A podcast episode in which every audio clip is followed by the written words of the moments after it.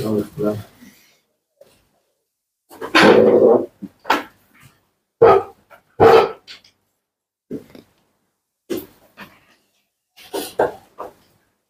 זה שארץ ישראל היא זבת חלב ודבש. זה ידוע כבר. זה לא אה, דבר שצריך אה, לבחון אותו ולא לברר אותו. זה דבר אה, ידוע מן העולם. זה שארץ ישראל היא מיועדת לנו, הקדוש ברוך הוא רוצה שנגיע אליה כארץ הכי טובה, זה גם ידוע לנו. כבר בפרשת שמות, הקדוש ברוך הוא מתגלה למשה בפעם הראשונה במעמד הסנה. נאמר, וירד להצילו מיד מצרים, ולעלותו מן הארץ ההיא. אני רוצה להוציא את ישראל ממצרים. ואיפה? אל ארץ טובה ורחבה. תודה רבה. אל ארץ זבת חלב ודבש. זה מקום הכנעני, החיטי, המורי והפריסי.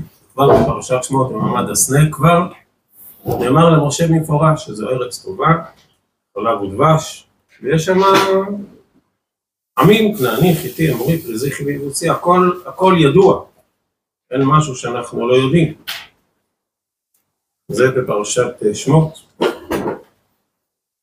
וגם בפרשת וירא, כאשר הקדוש ברוך הוא שולח את משה עוד פעם לבני ישראל, לעודד אותם, אומר, והבאתי אתכם אל הארץ, כלומר נתתי לכם מורשה, אתם הולכים לרשת אותו.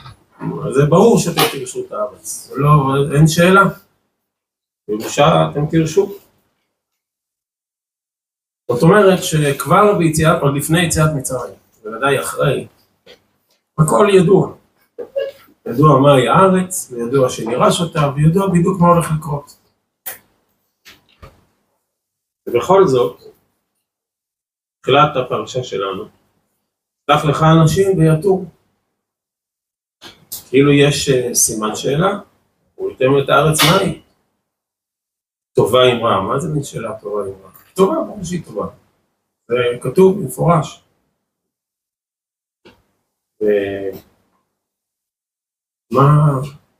מה מטרת השליחות הזאת? מה זה שלח לך אנשים? מה, מה המטרה?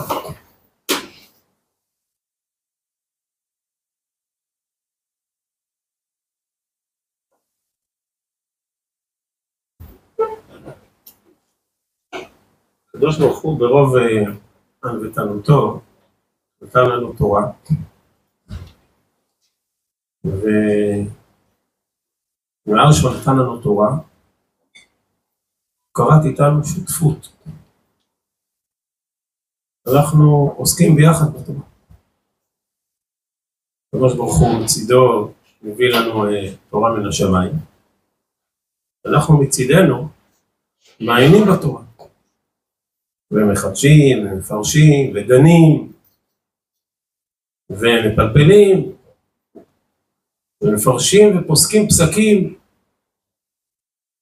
והקדוש ברוך הוא שמח בזה, שנוצרה שותפות מאוד מאוד מופלאה בין שמיים לארץ, בין דבר השם שבא ממרומי, לבין העמל והעשייה שלנו שבא מלמטה.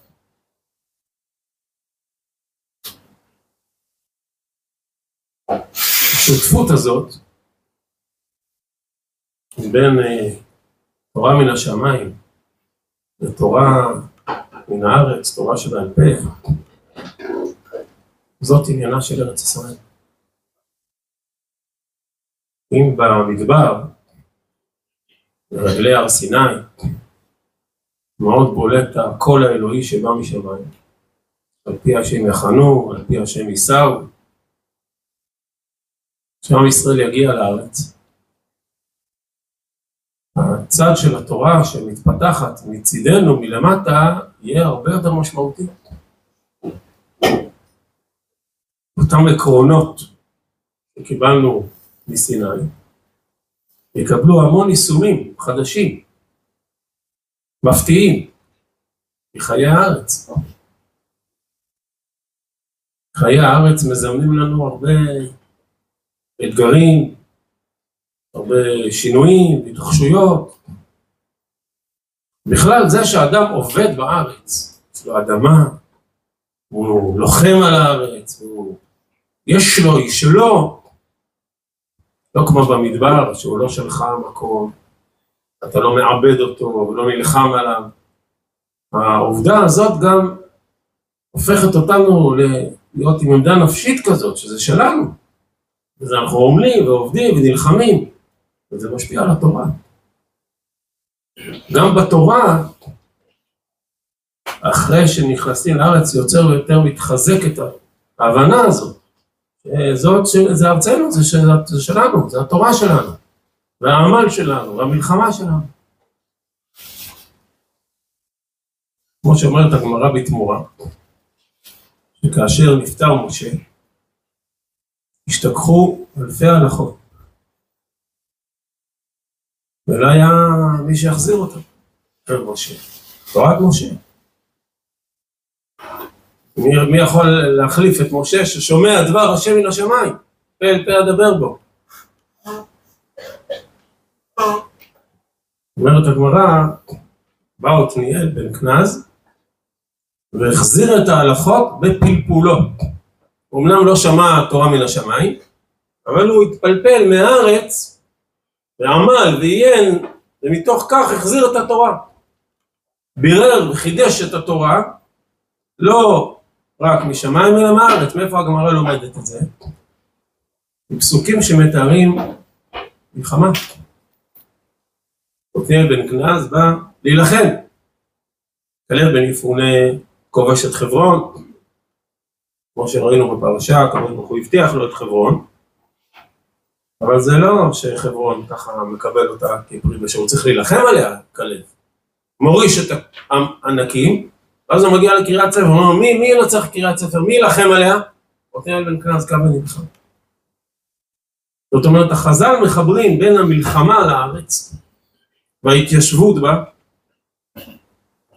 והתחושת בעלות, והנה זה שלנו ואנחנו עומלים עליה, לבין אותה תחושה לגבי התורה.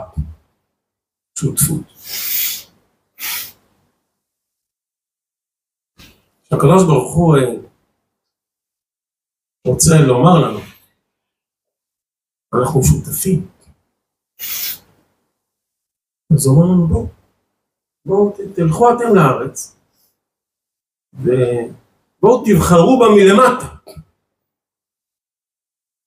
כמו שבתורה אני נותן לכם תורה מן השמיים, ואחר כך אתם מבררים את ההיגיון שבה ואת הסברה שבה ומוציאים ומבררים אותה מלמטה, זה דבר בארץ. ודאי שהארץ הזאת היא ידועה משמיים, שזאת הארץ. אבל בואו, זה עניינה של הארץ, שותפות. שאתם תבואו אליה כשותפים מלמטה. אתם בוררים אותה, אתם בוחרים בה. אתם רואים את היופי שלה, ואתם רואים את הטוב שלה, ואתם רואים את ההתמודדויות שלה, ואת האתגרים שלה, וככה אתם, שלכם, אתם תהיו עמלים עליה.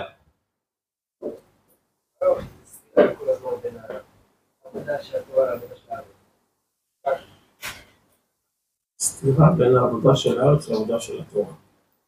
בלי עבודת הארץ התורה לא, לא מתקדמת. אם לא יהיה עבודת הארץ, התורה נעצרת. כל ההתפתחות תורה שבעל פה היא רק באותם מקומות, בעיקר באותם מקומות שיש עמל של האדם. איפה יש? על מה יש שו"תים? על מה יש שו"תים? על איזה חלקים בתורה? על החלקים שבני אדם נתקלים בהם בחיים. אז זה יש שו"תים. אתה מכיר, אה, יש לך, אתה מכיר הרבה שו"תים בהלכות אה, וטהרה? עד שהגענו לארץ גם לא היה כמעט שו"תים בדיני זרעים. זה היה שלוש תשובות כמעט בזרעים. כל שיהיה הראשונים והאחרונים על זרעים. אין תלמוד בבלי על זה. למה? זאת אומרת, העובדה שאין ארץ ואין חלקים שלמים של חיים, אז גם אין תורה. לא רק במובן ההלכתי, זה גם במובן החינוכי, התרבותי, ההשקפתי, זה לא מתפתח. כי אם משהו שלך, הוא באחריותך, ואתה עמל עליו, אז מתעוררות אה, המון המון אה, שאלות, ורצונות, ושאיפות, ובירורים, כל הדברים האלו מתעוררים, ועכשיו התורה פורחת. כך לשונו של הרב קוק, באורות התורה, סוף פרק א'. שהקדוש ברוך הוא הבטיח שתבוא הארץ והבטיח שאנחנו נקבל אותה, ואז אנחנו רוצים לבדוק, אנחנו לא מאמינים להשם.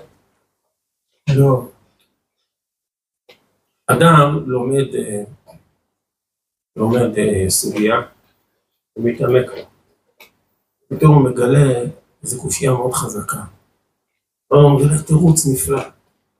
הוא שומע עוד איזה סבור, איזה תורה יפה, איזה יופי בתורה. נו, לא ידעת את זה לפני כן? וכתוב בכל הספרים שהתורה יפה, היא נחמדים מזהב, היא פז רב. נכון, ידעתי שזה כתוב, אבל עכשיו אני יודע שזה לא. כי כל עוד אתה לא שותף, אתה לא באמת יודע את זה. יודע את זה, זה כתוב בתהילים שהתורה היא יקרה מזהב ומתמילים. אבל רק אחרי שאתה היית שם בפנים, התמודדת ועמלת והיית צריך להעביר על זה חבורה, אז פתאום אתה רואה שהיא זהב.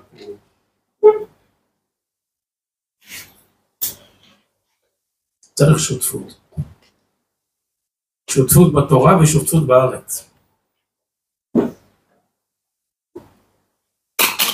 שותפות, כלומר, בואו, מה אתם אומרים? מה, מה, מה אתם אומרים? מה דעתכם? בוודאי שהרב יכול לתת לך הרצאה, אבל הוא לא פותח בהרצאה, הוא אומר שאלה, נו, מה אתם אומרים? מה הסברות שלכם? מה אתם אומרים? ככה או ככה? נו, אז עכשיו נהיה, אתם נהיים שותפים, אז עכשיו קורית, עכשיו מתפתחת תורה. תורה שבעל פה.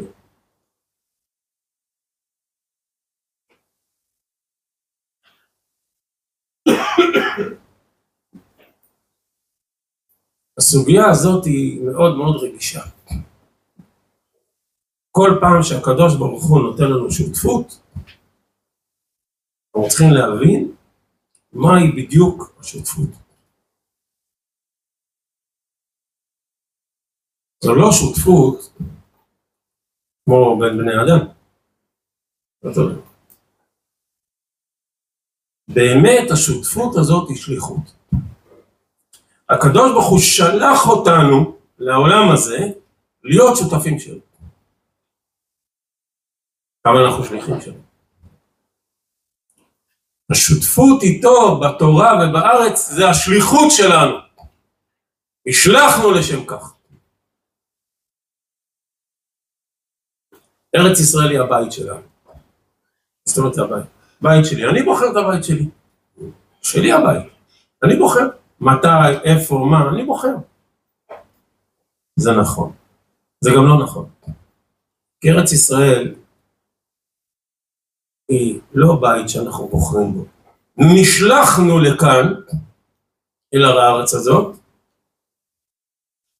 נשלחנו כדי שהיא תהיה הבית שלנו. זאת שליחות שלנו. נשלחנו כדי שהתורה תהיה החיים שלנו. התורה היא החיים שלנו. נשלחנו כדי ליצור שותפות של חיים עם התורה. אבל זאת שליחות.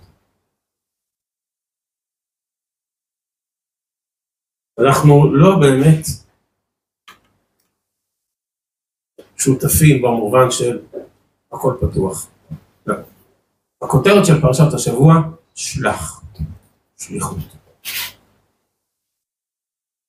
זה מעניין שברמב"ם הלכות שלוחים ושותפים, הוא חיבר אותם ביחד. כי באמת, כל שליח הוא קצת שותף.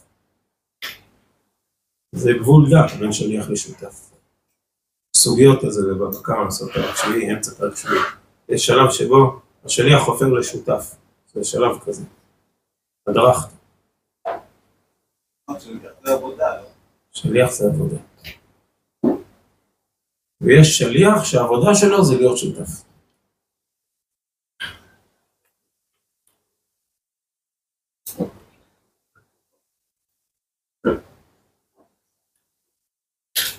זאת אומרת שהקדוש ברוך הוא שלח אותנו, אנחנו לא...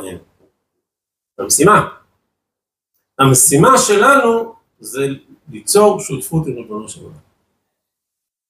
שאנחנו ביחד, אנחנו מול, מלמעלה, אנחנו מלמטה. בארץ זה בטוח. ולכן אנחנו נילחם על הארץ. למה נילחם? צריך גם מלחמה מלמטה. ואנחנו נעבוד בארץ. ולכן גם אותו דבר גם בתורה. אבל זאת שליחות. אומר המהר"ל מפראג בספרו נצח ישראל, ברגע שבו נחצה הגבול ועם ישראל כבר לא ראה את עצמו כשליח של ריבונו של עולם, ברגע זה הוכרעה הכרעה של בכייה לדורות. הבכייה לדורות זה האב אמינא שבאמת כאילו אנחנו יכולים לבחור. אנחנו שותפים. יכולים לבחור את גורלנו, את ארצנו, את תורתנו, מי אנחנו. שותף, יכול לבחור, אפשר לפרק שותפות, אפשר ללכת למקום אחר, הכל פתוח. ביציאת מצרים לא הייתה שאלה. ביציאת מצרים כולנו הרגשנו שאנחנו לא שותפים. כן, הקדוש ברוך הוא הוציא אותנו ביד חזקה, ותאמרו תהיה, זה לא, היה, לא היינו צד בסיפור. גם במעמד הר סיני לא היינו צד, הכל ברור, זה מאת השם. כשמגיעים לארץ, הקדוש ברוך הוא רוצה שתיוולד השותפות. שותפות מתוך תודעת שליחות.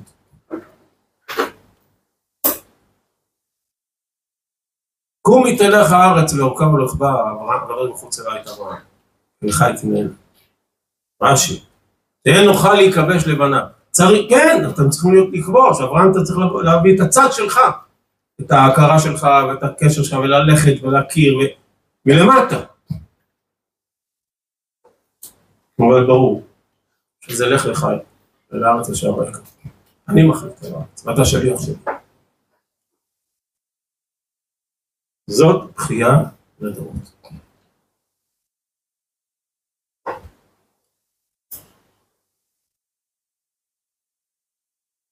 ולכן הטעות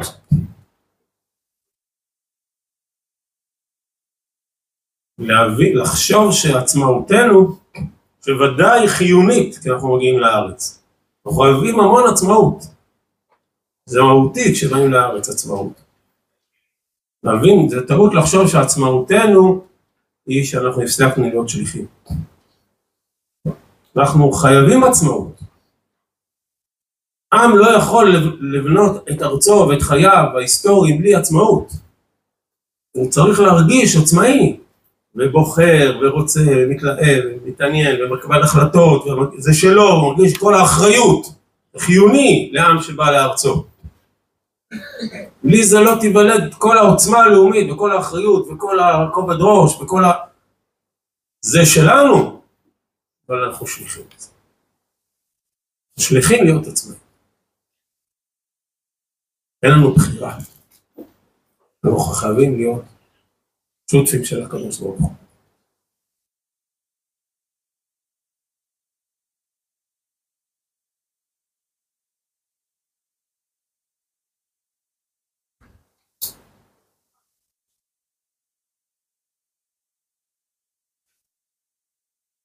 יהושע בן נון וכלב בן יפונה חיים בתודעת שליחות. הם יילחמו על הארץ, ועוד איך יילחמו. כמה יהושע יילחם, כלב יילחם. הם יכבשו ויורישו וזה ייקח זמן. הם שותפים מלאים, שליחים מוחלטים.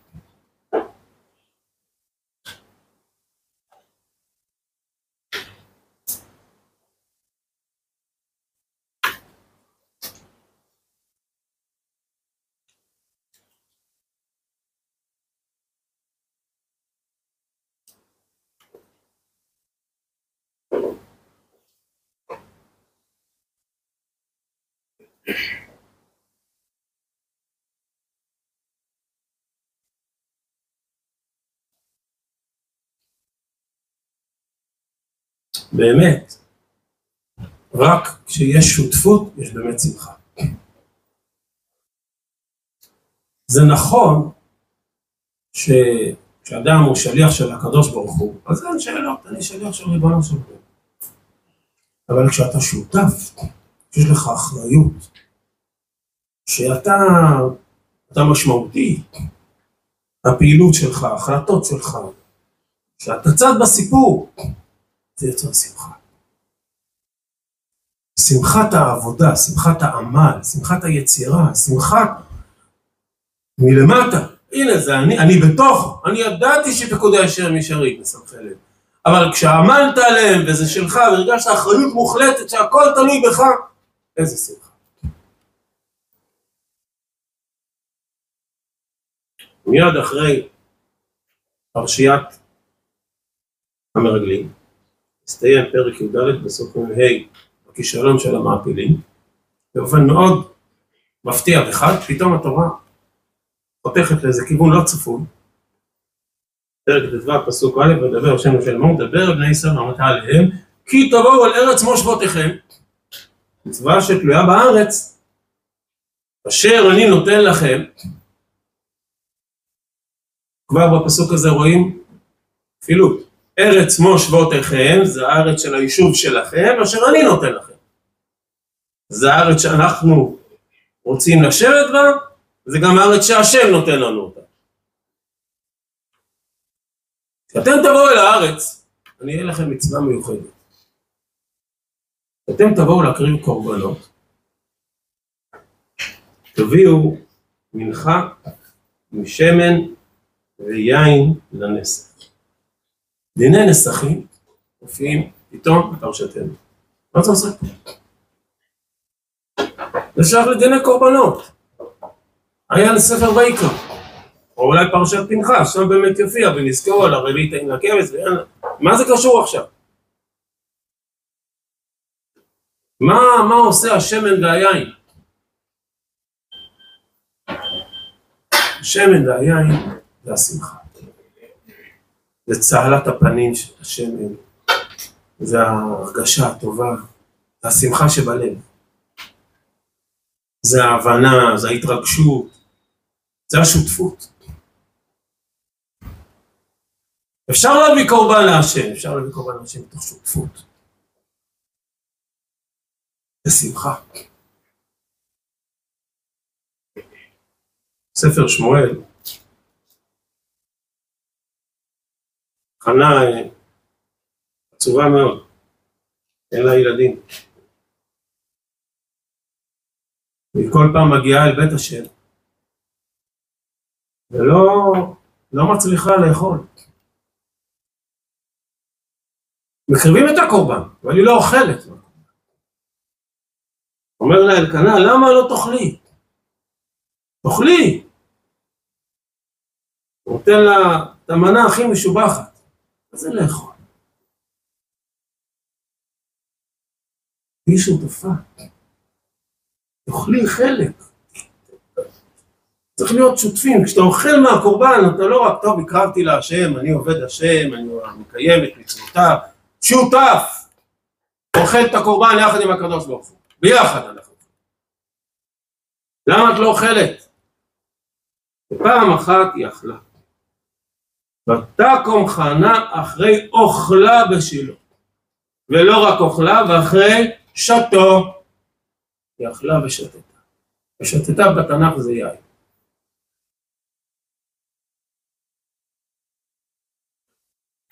אפילו חנה צריכה להצדיק שהיא לא שיכורה. היא מסיימת להתפלל ותאכל, עוד פעם אוכלת. הפנים שלה משתנות, להציל פנים. מה קרה שם? מה קרה לחנה שם בתפילה שלה? חנה הכריזה על שותפות, על שליחות שהיא שותפות. בוודאי שאנחנו עבדי השם, והשליחים שלו. אבל תקשיב הוא, אנחנו שותפים. אם יהיה לי ילד, הוא גם יהיה שלך. הוא אני אשאיל אותו. אנחנו שותפים. שותפים בילד. איזה עוד, איזה, זה מלמטה. היא יוצרת שותפות. מ- מ- מ- מהמקום שלה, מהמקום הפנימי שלה כלפי מעלה. מהפכת עולם. שותפות. ותקרא את שמו שמואל כי מהשם שאלתיו. רגע. שאלתיו, השם הביא לי אותו. לא, אני הבאתי לו. היא אומרת, אנוכי שאלתיהו להשם והוא שאלתי ממנו. אותו שורש, ש"א-ל, משמש שני הפכים. אני שאלתי אותו מהשם ואני משאירה אותו להשם. אנחנו עובדי השם. לא, מה פתאום, שותפים איתו. איך היא מעלה אותו? התנ"ך מתאר לנו איך חנה מעלה את שמואל. ותעלהו עמה כאשר גמלתו בפרים שלושה ויפה אחת קמח ונבל יין תורה מפרטת תנ"ך מפרט בשמחה למה שמחה? שמחת השותפות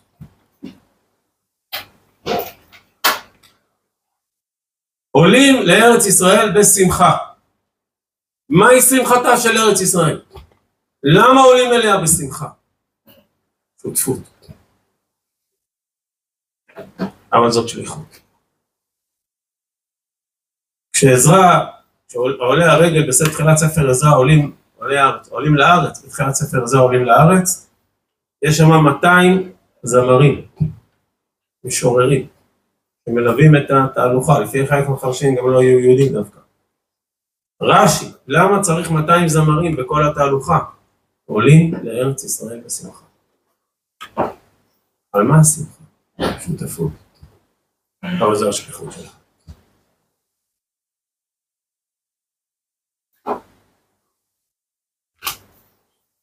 מיד אחרי פרשת המרגלים, פרשת נסחים. זאת פרשה של ארץ ישראל. תבואו אל ארץ מושבתכם אשר אני נותן לכם.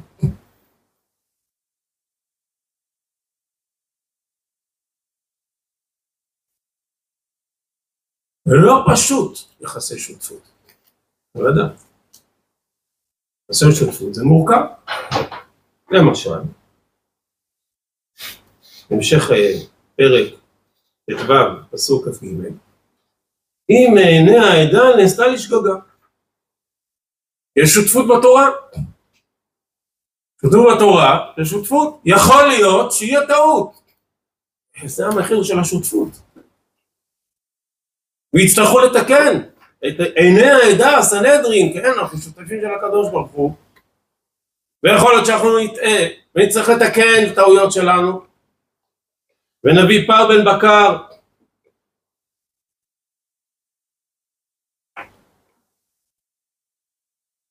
שותפות. אבל לעולם אנחנו שליחים, אנחנו לא יכולים למרוד, אנחנו לא יכולים לבטל את השותפות. הנבר שתעשה ביד רמה, מה אתה חושב שאתה יכול לבטל את השותפות? נדמה לך שאתה יכול, אתה שליח, אתה לא יכול לבטל את השותפות, זה השליחות שלך השותפות.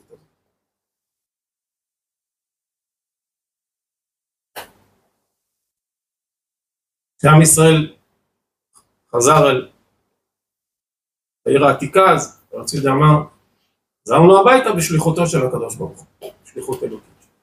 תחליט, זה הביתה או שליחות? חזרנו הביתה בשליחות אלוקית.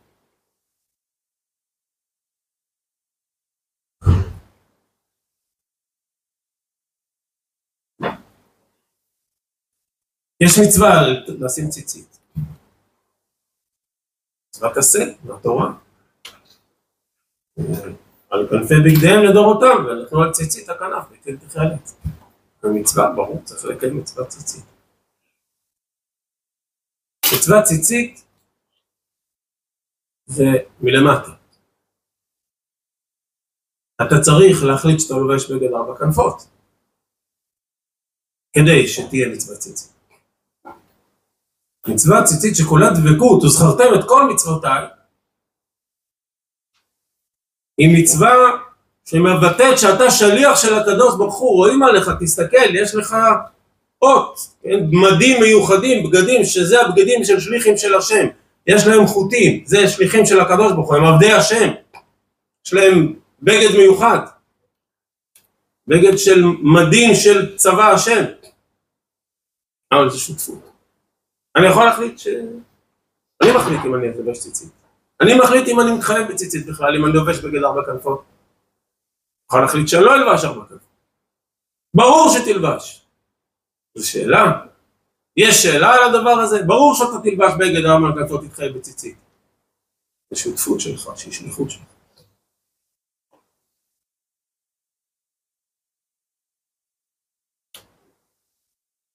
בן עזרא אומר שעם ישראל נוהג להתעטף בטלית בתפילה.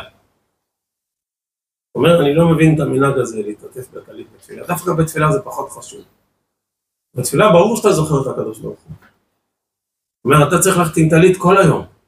דווקא כשאתה לא מתפלל, תלך עם טלית. ליצור כל הזמן מחדש את השותפות שלך עם ריבונו של עולם.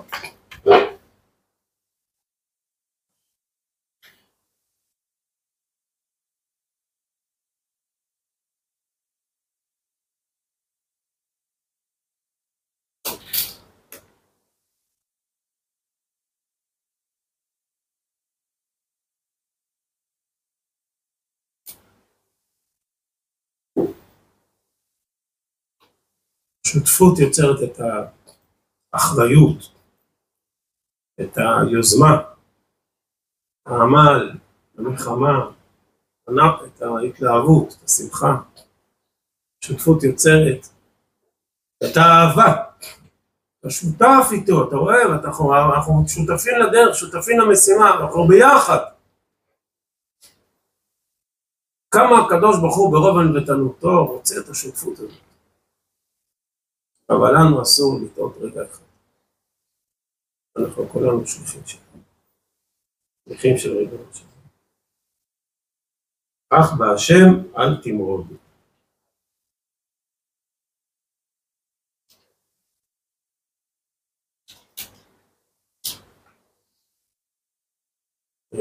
לא מעלה מעלה, תגדלו בתורה ומסורת טובים, סליחה שאני מפריע לכם, בשורות טובות.